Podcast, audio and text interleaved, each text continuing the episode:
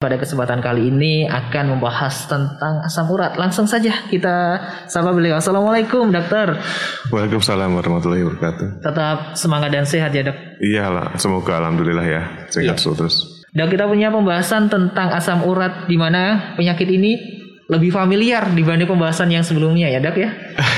Walaupun mungkin familiar tapi tidak diharapkan pastinya bisa penyakit ini bersemayam di tubuh kita masing-masing. Tapi kalaupun Anda yang masih mempunyai asam urat bisa juga menanyakan sebenarnya asam urat ini yang seperti apa sih? Apakah hanya penyakit itu orang tua saja yang punya atau mungkin makanan yang harus dihindari atau mungkin ada juga pertanyaan berkaitan tentang mitos atau fakta yang bisa langsung ditanyakan kepada dokter Venda. Asam urat itu sebenarnya penyakit memang dari makanan atau gimana sih dok?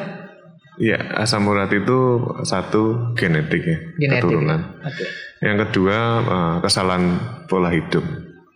Karena satu mungkin kurang olahraga, dua kurang air putih, ketiga eh, salah diet. Jadi dietnya eh, tinggi purin dan juga tinggi pengawet. Ya, itu yang menyebabkan peningkatan asam urat sehingga timbul peradangan terutama di sendi. Oke. Dan untuk asam urat ini apa memang juga hanya diderita oleh para orang yang bisa dibilang sepuh atau mungkin bahkan anak muda bisa kena juga? Eh, tergantung itunya ya. Eh, dia pasti ada genetik. Mhm. Tapi kalau dia memang dari SSS atau olahraga, kemudian dietnya sembarangan, semakin muda itu semakin eh, bisa sekali untuk timbul asam urat. Saya ada beberapa pasien juga masih muda asam uratnya tinggi, masih 20-an. Waduh, jadi ibaratnya juga genetik ini em, titipan bisa dibilang kita nggak ngapa-ngapain udah ada titipannya kayak gitu dok ya. Iya. Itu eh, apa namanya cara menyikapinya gimana dok? Apakah eh, nggak mungkin hanya dengan merenungi saja akhirnya nggak ngapa-ngapain, tetap kan penyakitnya tambah parah mungkin atau mungkin eh, bisa dicegah atau bahkan apakah bisa disembuhkan total gitu dok? Iya, ten- tentunya sangat bisa untuk dicegah. Cegah, Jadi ki- kita yang penting satu kita harus tahu ilmunya dulu. Hmm. Kalau kita nggak tahu ilmunya, eh, kita tidak akan bisa untuk melakukan pencegahan. Eh, dua, kalau kita sudah tahu ilmunya, baru kita mencegah. Eh, asam urat itu kan eh, yang paling eh, berisiko adalah satu sendi, yang kedua ginjal. Jadi sendi yang namanya nantinya gout atau dua ginjal yang nantinya batu ginjal dan yang ketiga eh, faktor risiko penyakit jantung dan stroke. Mhm. Nah itu yang eh, kita yang khawatir ya Eh, tiga-tiganya semuanya berisiko juga sehingga asam urat harus terkontrol. Terkontrolnya bagaimana? Terkontrol kadarnya harus normal.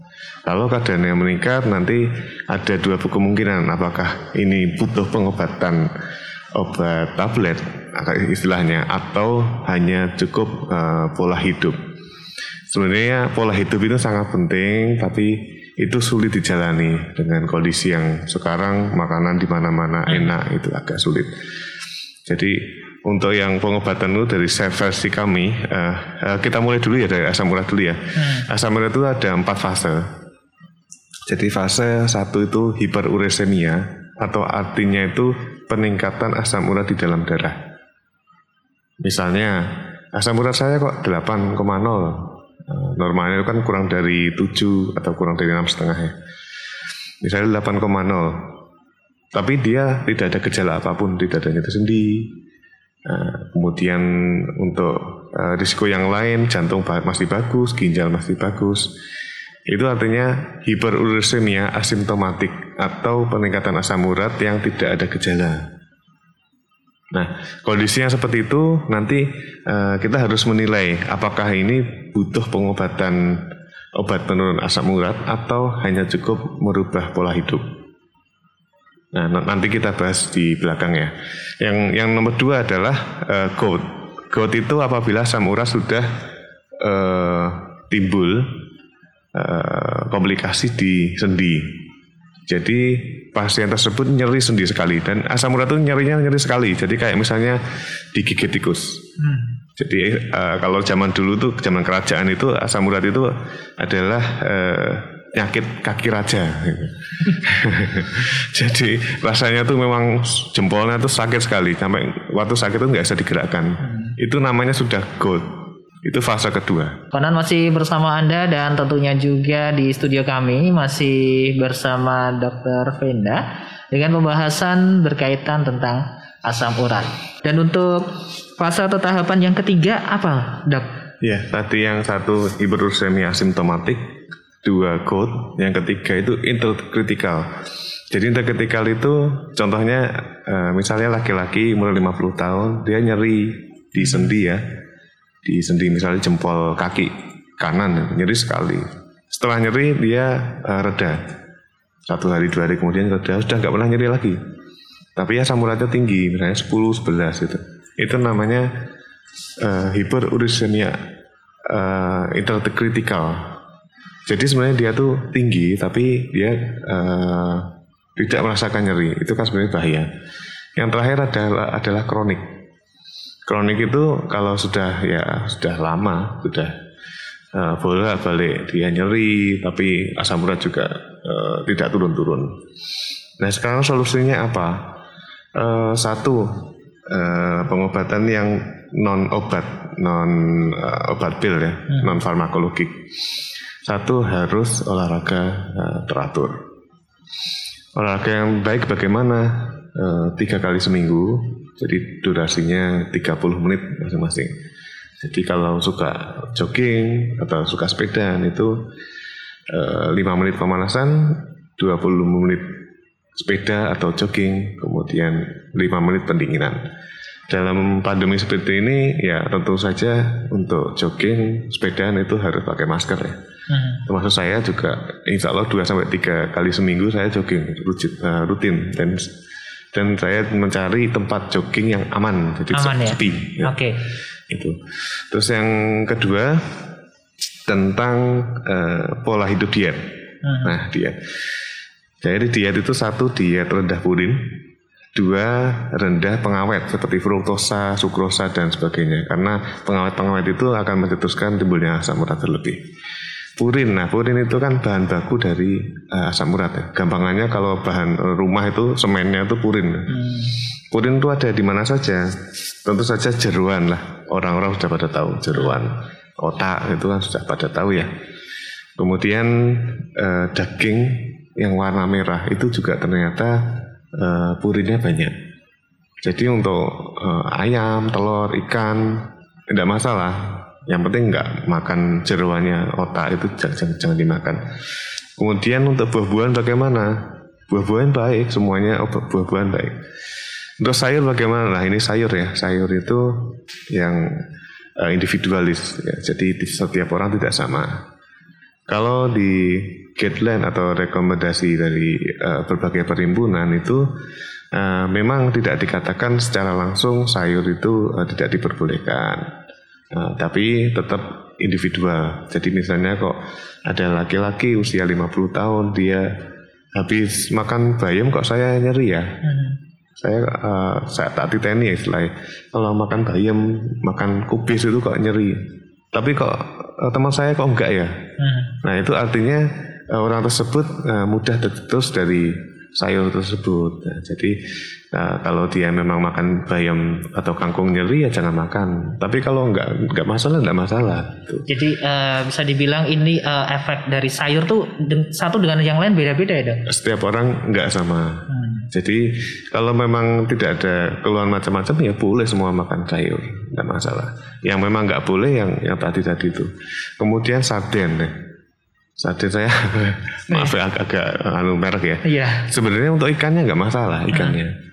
Tapi yang masalah itu pengawetnya. Pengawetnya ya. Nah, pengawetnya itu yang akan meningkatkan uh, asam urat. Hmm. Kemudian anak-anak muda yang suka minum alkohol itu uh, kalau misalnya kena asam urat buat jangan minum alkohol dalam ya, kita sebagai muslim kan nggak boleh minum alkohol ternyata alkohol itu efeknya salah satunya juga itu mencetuskan asam urat yang tinggi itu jadi uh, sekarang tadi sudah, sudah tahu teorinya ya untuk uh, pengobatan non farmakologi sekarang farmakologi jadi apakah perlu terapi atau tidak Nah, farmakologi itu tergantung fasenya tadi.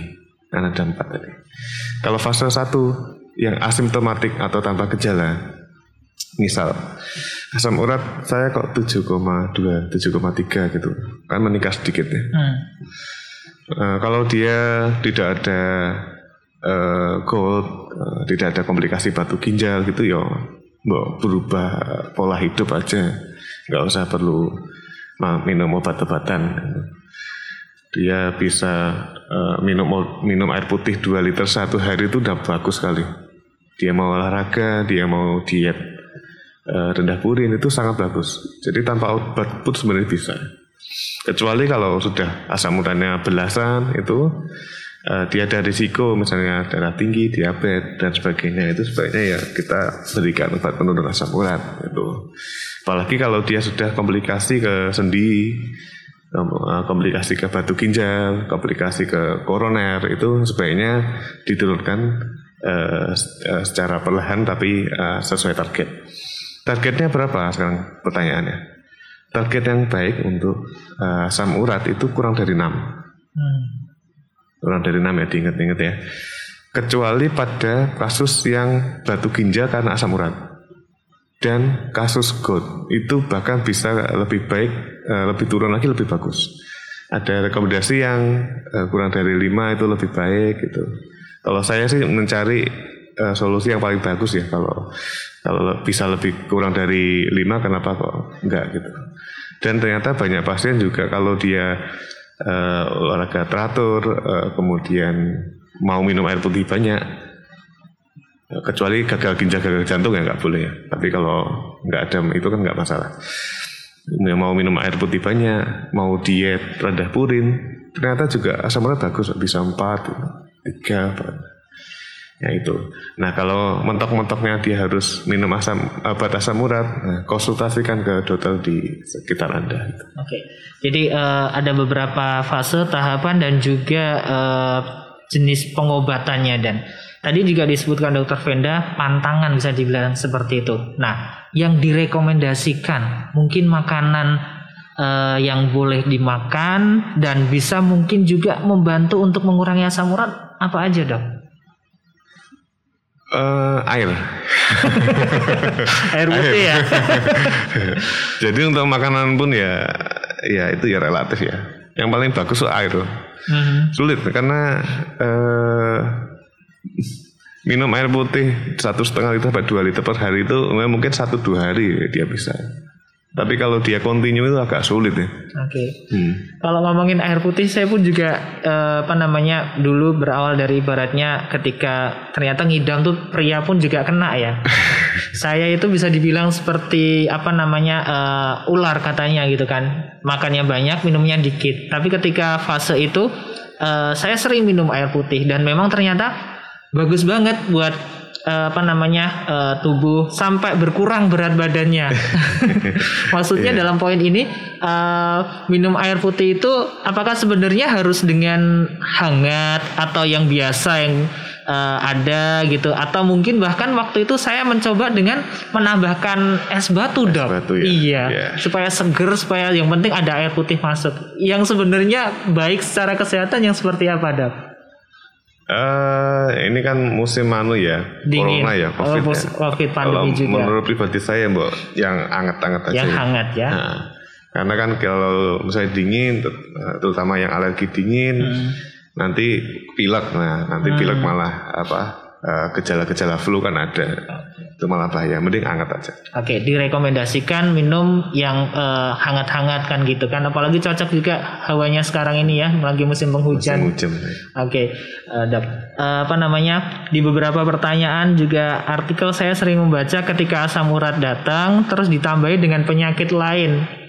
Uh, banyak pertanyaan itu uh, bagaimana dok saya mengkonsumsi obatnya gitu kan? Apakah lebih baik potong kompas dalam arti kita lebih tahu langsung ke dokter asam urat itu untuk diberikan resepnya atau gimana dok? Iya, jadi sebaiknya konsultasi ke dokter ya. Uh, bisa ada dokter terdekat, baik dokter umum, apa dokter spesialis, uh, misalnya penyakit dalam.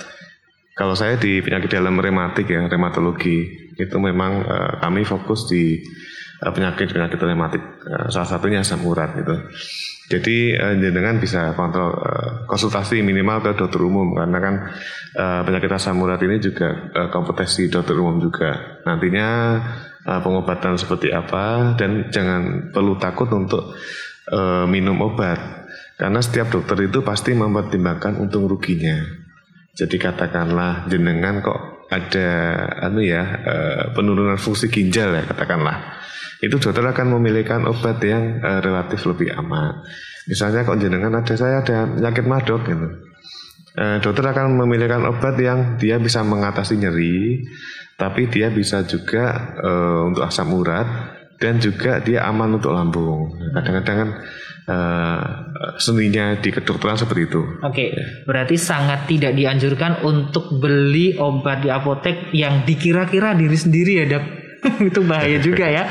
Kadang tuh ibaratnya mengambil kesimpulan, oh mungkin asam urat mereknya ini, oh kolesterol ini. Akhirnya dibeli semuanya, diminum hampir berbarengan itu juga sangat berbahaya ternyata ya. Jadi nyeri sendi itu tidak selalu asam urat ya. Oke. Nyeri sendi itu bisa karena eh, asam urat kan metabolik ya, karena metabolisme jadi purin ya. Terus bisa juga karena faktor penuaan ya, osteoartritis atau pengapura sendi. Bisa juga karena infeksi nyeri sendi, bisa juga autoimun nyeri sendi. Jadi kita nggak bisa, oh nyeri sendi saya asam urat, mas kasih obat asam urat, kasih obat nyeri nggak bisa gitu. Oke, seperti itu. Dan kita buka kesempatan bagi monitor DAIS bergabung. Silahkan di 0246746352 untuk phone live. SMS WhatsApp-nya di nomor yang sama 0821 Beberapa pertanyaan. Selamat malam dok. Ada yang bertanya tentang bedanya asam urat sama rematik apa dok? Silakan dokter Venda bisa menjawabnya dari Maksum yang ada di Boja. Oh iya, terima kasih Pak Maksum ya. Iya. Jadi eh, rematik itu kan ilmu salah satu ilmu penyakit dalam. Jadi eh, yang, yang saya jelaskan tadi, rematik itu kan eh, arti dari kata eh, ilmiah ya, dari kata ilmiah itu artinya aliran-aliran tubuh. Nah, aliran tubuh itu uh, bisa karena metabolik, misalnya asam urat tadi, bisa karena uh, proses degeneratif, misalnya osteoartritis atau pengapura sendi, bisa karena infeksi, misalnya sendinya bengkak, oh ternyata ada, ada infeksi bakteri atau dan sebagainya. Bisa karena autoimun, jadi rematik autoimun, misalnya apa? Misalnya SLE lupus ya, misalnya RA, sklerosis sistemik atau skleroderma itu eh, dan autoimun yang lain, Sjogren dan dan sebagainya. Nah itu uh, asam urat itu salah satu cabang ilmu dari rematik. Nah rematik itu salah satu cabang ilmu dari penyakit dalam gitu. Oke, semoga bisa menjawab ya Mas Maksum. Berikutnya ada yang bertanya, dia masih muda ini, dok 24 tahun tapi sering merasa sakit kaki saat pertama kali bangun, contohnya lutut, telapak kaki sakit, sering kesemutan yang berada di tangan. Terus saat melakukan aktivitas-aktivitas seperti memasak, memegang HP juga terasa seperti itu. Padahal ini baru terjadi selama dua minggu dan baru kali ini merasa lebih parah. Apakah ini termasuk asam urat dok? Terima kasih. Ya, uh, laki-laki ya umur 24 tahun, masih muda. Hmm. Uh, berat badannya berapa dulu, dia obesitas atau tidak, dia gendut atau tidak. Nah, itu karena berpengaruh. Hmm. Jadi tidak semuanya tuh oh saya nyeri sendi asam hmm. urat, tidak semuanya seperti itu. Bisa juga karena uh, satu sendinya sendiri, kemudian yang kedua dia tendon, dia tendinitis. Tendon itu adalah uh, talinya dari otot, namanya tendon. Bisa juga dia karena fascitis, uh, jadi selaputnya. Uh, bisa juga karena ototnya sendiri, bisa juga karena kulitnya dan sebagainya. Nah, seperti itu kita nggak bisa, oh ini asam urat, bangun pagi kok nyeri gitu, hmm. asam urat, nggak bisa gitu.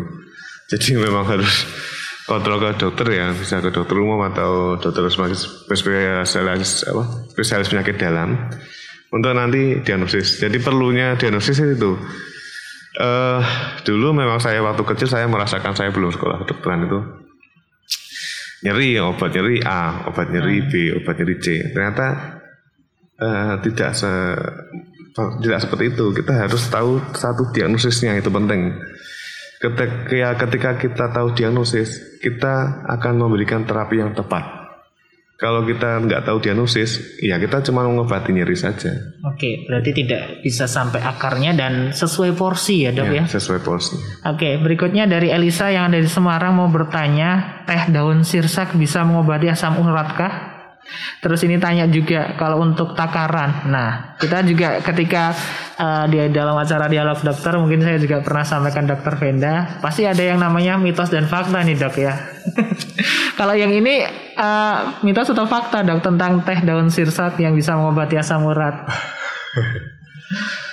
uh, untuk itu saya nggak bisa menjawab ya hmm. karena uh, penelitian tentang daun sirsak itu kan masih sedikit ya. Jadi mungkin perlu penelitian dengan sampel yang lebih banyak atau diacak sehingga bisa uh, didokumentasikan sebagai uh, obat asam urat ya itu saya nggak bisa mengatakan ini nggak bisa hmm. dan saya tidak merekomendasikan pula gitu. oke gitu ya kalau tidak merekomendasikan sepertinya juga harus uh, lebih waspada ya daripada nanti kenapa kenapa kan jangan sembarangan masukin apa pun ke dalam tubuh ya dok ya Iya, tapi kalau herbal, insya Allah sih uh, aman ya. Maksudnya kalau misalnya uh, kayak teh gitu, hmm tidak uh, masalah. Misalnya seledri itu nggak masalah. Oke, okay, Asalkan dia bukan uh, dalam kemasan. Oh, gitu ya. Hmm. Berarti masih uh, diambil dari alam langsung. Alam langsung tidak masalah. Oke. Okay. Berikutnya ada yang ingin bertanya mengenai pantangan penderita asam urat dan juga hubungannya dengan sakit jantung bengkak. Nah, ini menceritakan bahwa bapaknya sering kambuh asam urat dan masih rutin minum obat untuk jantung. Apakah ada treatment yang bisa dilakukan untuk mengurangi intensitas kambuhnya asam urat? Terima kasih. Iya, uh, tadi pantangan sudah saya bahas, nggak perlu saya ulang lagi. Yang kedua hubungan sama jantung ya. Jadi kan uh, asam urat itu salah satu faktor risiko kardiovaskuler, salah satunya jantung ya. Kardiovaskuler itu bisa stroke, bisa jantung, bisa pembuluh darah di kaki. Nah, uh, dia karena sebagai faktor risiko dia mempengaruhi uh, endotelnya pembuluh darah atau endotel itu apa ya lapisannya lapisan pembuluh darah sehingga mencetuskan terjadinya aterosklerosis atau penggumpalan di dalam pembuluh darah. Uh, gampangannya gitulah. Nah, kalau faktor risikonya ini tidak ditangani, maka akan terjadi aterosklerosis lagi. Gitu. Jadi pentingnya mengontrol asam urat sampai dia normal, kalau bisa ya kurang dari 6 ya. Itu uh, pentingnya di situ, sehingga kalau aterosklerosisnya bisa dicegah, nah, nantinya kemudian diharapkan uh, jantungnya stabil terus. Ya. Oke. Ini juga pertanyaan dok, hampir sama kayak tadi nih dari Rizdiana uh, tentang perbedaan asam urat sama kolesterol. Apakah ini semuanya hampir sama cirinya atau gimana ya dok? Jadi kan sama-sama metabolik. Metabolisme itu kan banyak ya. Dia, kolesterol pun kan dia uh, macamnya juga banyak. Ada kolesterol uh, gampangnya kolesterol jahat, kolesterol baik ya. Kayak LDL, triglycerid, kolesterol total itu ada kolesterol yang jahat. jahat. Jadi semakin tinggi kadarnya semakin nggak bagus. Tapi kalau HDL itu eh, kolesterol baik karena HDL itu dia eh, kayak truk sampahnya. Jadi kalau ada sampah-sampah di pinggir jalan diangkuti sama truk itu hmm. menuju ke tempat pembuangan sampah itu namanya HDL. Nah gitu. Jadi uh, untuk asam urat dan kolesterol sendiri itu sesuatu yang berbeda tapi sama-sama berisiko untuk uh, kardiovaskuler. Seperti itu dok, ada juga nih pertanyaan sebenarnya cukup unik yaitu berkaitan tentang penanganannya yang lebih efektif pada asam urat minum jamu atau minum obat dok atau memang sebenarnya uh, dua ini bisa saling melengkapi atau uh, minumnya mungkin di waktu-waktu yang berbeda atau gimana dok? Ya, uh, sebentar ini jamunya jamu apa dulu? jamu asam urat ada kan dok? Jadi kan harus spesifik ya. Iya. Jadi misalnya kayak beras kencur, terus kulit asem, terus apa jenis suruh. Gitu. Saya sendiri juga suka. Iya. tapi kan kita harus ngecor sendiri lah, membuat sendiri. Membuat sendiri ya. Beras kencur. Saya suka dibuatkan istri saya apa beras kencur itu kadang-kadang di rumah ya, bikin seger. Itu juga tidak masalah.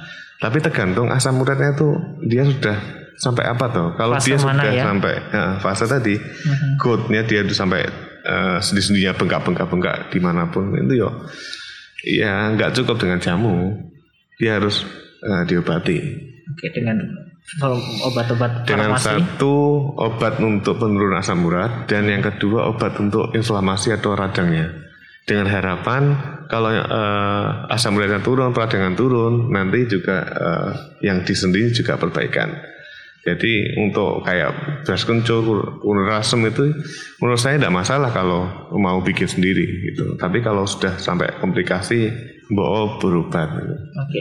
Nah, kalau ngomongin asam urat itu sebenarnya eh, ini tuh apa yang harus dilakukan? Maksudnya yang pertama untuk eh, orang yang memang sudah teridentifikasi apa yang harus dilakukan. Yang kedua untuk orang yang memang belum eh, terkena apa yang harus juga dilakukan. Dok? Ya empat sehat lima sempurna. Kembali ke situ ya dok ya. iya, pokoknya kalau kita eh, empat sehat lima sempurna itu dan olahraga itu insya Allah sih baik ya.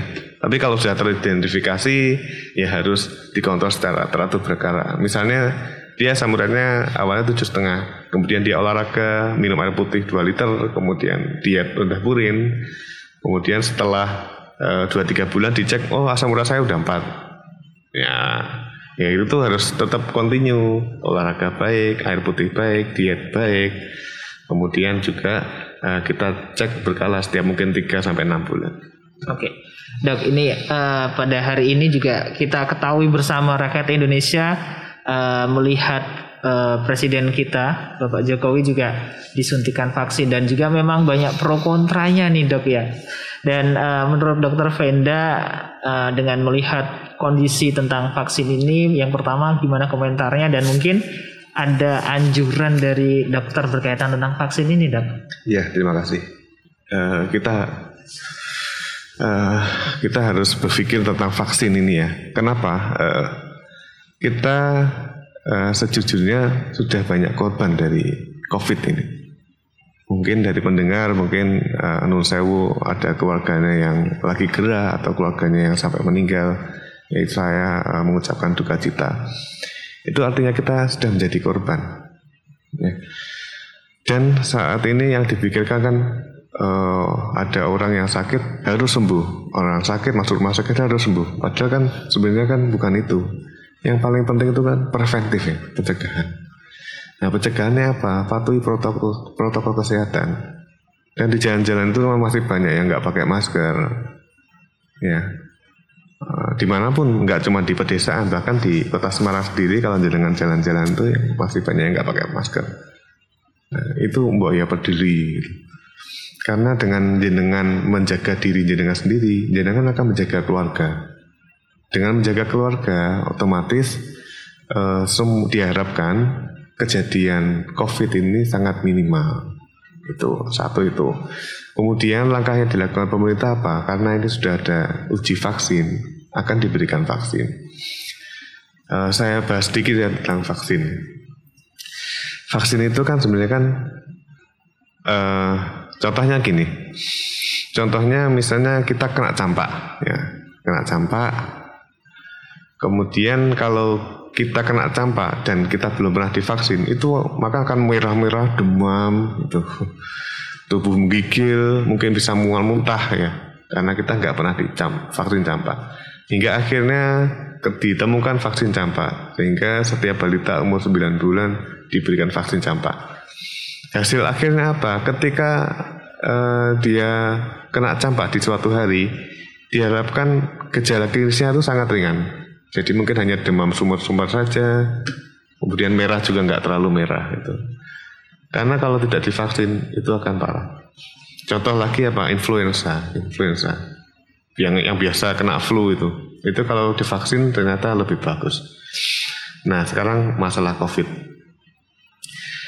Nah sampai sekarang itu kan semua negara itu kan dihadapkan kebingungan dari covid ini. Semua negara berusaha mencari vaksin mau vaksin Sinovac mau Moderna mau Pfizer semua berebutan istilahnya rebutan gitu mana yang lebih baik semua masih dalam penelitian fase 3 Nah, tapi jangan lupa kita sudah ada fase 1, fase 2. Artinya kita bisa mengevaluasi oh ini relatif lebih aman. Nah, kemarin BPOM mengeluarkan statement bahwa uh, vaksin Sinovac untuk saat ini bisa diberikan ke masyarakat. Nah, mengapa mengeluarkan statement itu? Karena sudah ada uji klinis uh, fase 2 dan fase 3 ini sedang berlangsung dan itu dikeluarkan dalam kondisi darurat ya dalam kondisi darurat dan akan terus kita pantau kejadian kipi atau ke, kejadian ikutan pasca imunisasi diharapkan nantinya juga uh, kipinya rendah dan penelitian di Turki, di Brasil, di Cina, bahkan di Bandung sendiri itu yang sudah uh, diteliti dalam fase 2 itu uh, kejadian kipi atau efek samping lah gampangannya itu sangat minimal. Jadi nyeri misalnya ada yang biduran, nah biduran tapi setelah uh, tiga hari sudah hilang. Dan sampai sekarang belum ada yang dilaporkan sampai misalnya kejang, nggak sadar sampai meninggal itu uh, tidak ada.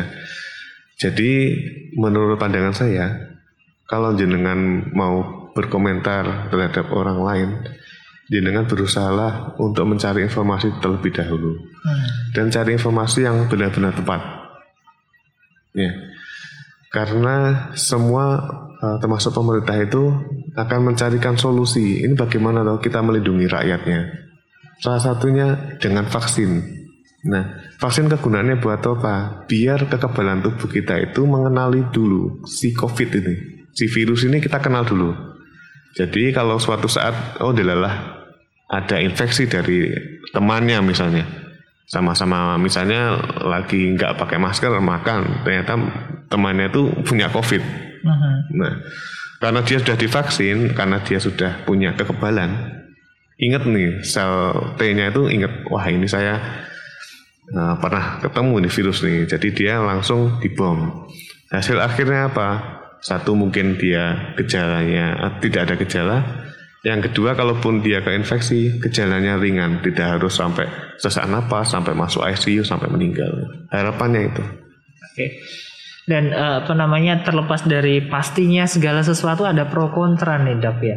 Uh, apa namanya kalau orang Jawa melungguh ke kondisi kalau ngelihat uh, status darurat ini gimana untuk bisa akhirnya aku mau terus juga bisa uh, melindungi diri dengan divaksin itu dok?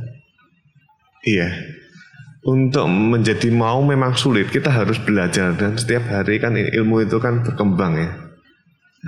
Dan uh, nah uh, menurut pandangan saya itu kalau memang ini uh, baik uh, untuk kita, kenapa kita harus menolak? Gitu. Kalau pandangan saya bukan bukan berarti saya uh, sangat uh, Nah, bukan berarti saya me, mengeksekusikan atau me, menyingkirkan efek sampingnya, tapi hmm. kita cari manfaatnya dari sini. Insya Allah itu lebih banyak manfaatnya daripada mudarat ya. Oke, berarti uh, ini enggak pastinya pemerintah enggak asal-asalan berarti sudah uji efek samping, terus sudah pada tingkatan apa dan memang sebenarnya membutuhkan waktu. Tapi kalau waktu nungguin kalau sampai fase berapa sih dok yang harusnya itu akhirnya eh, dinyatakan dalam tanda kutip ini sangat aman.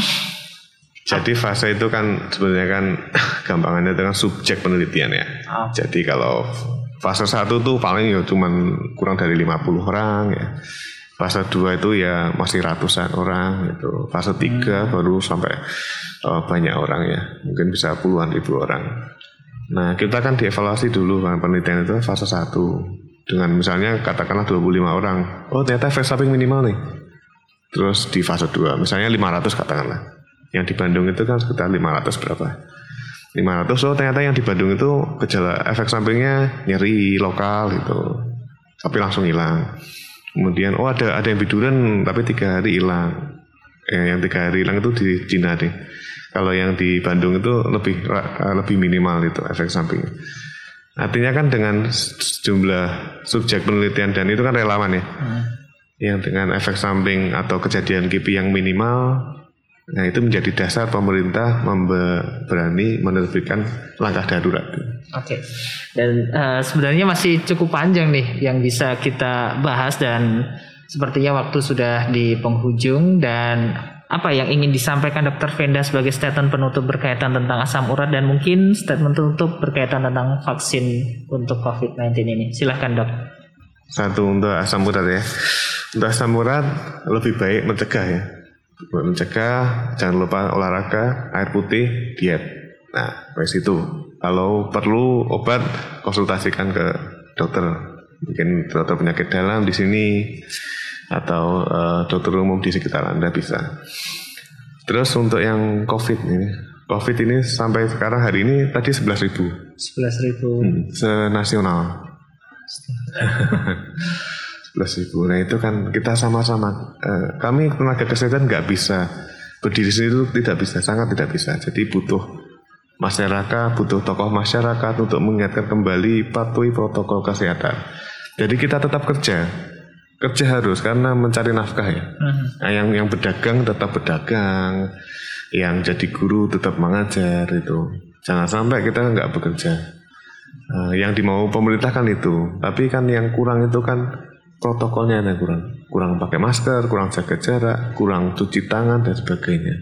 Itu yang mungkin harus dibenahi di, di kita sendiri. Okay.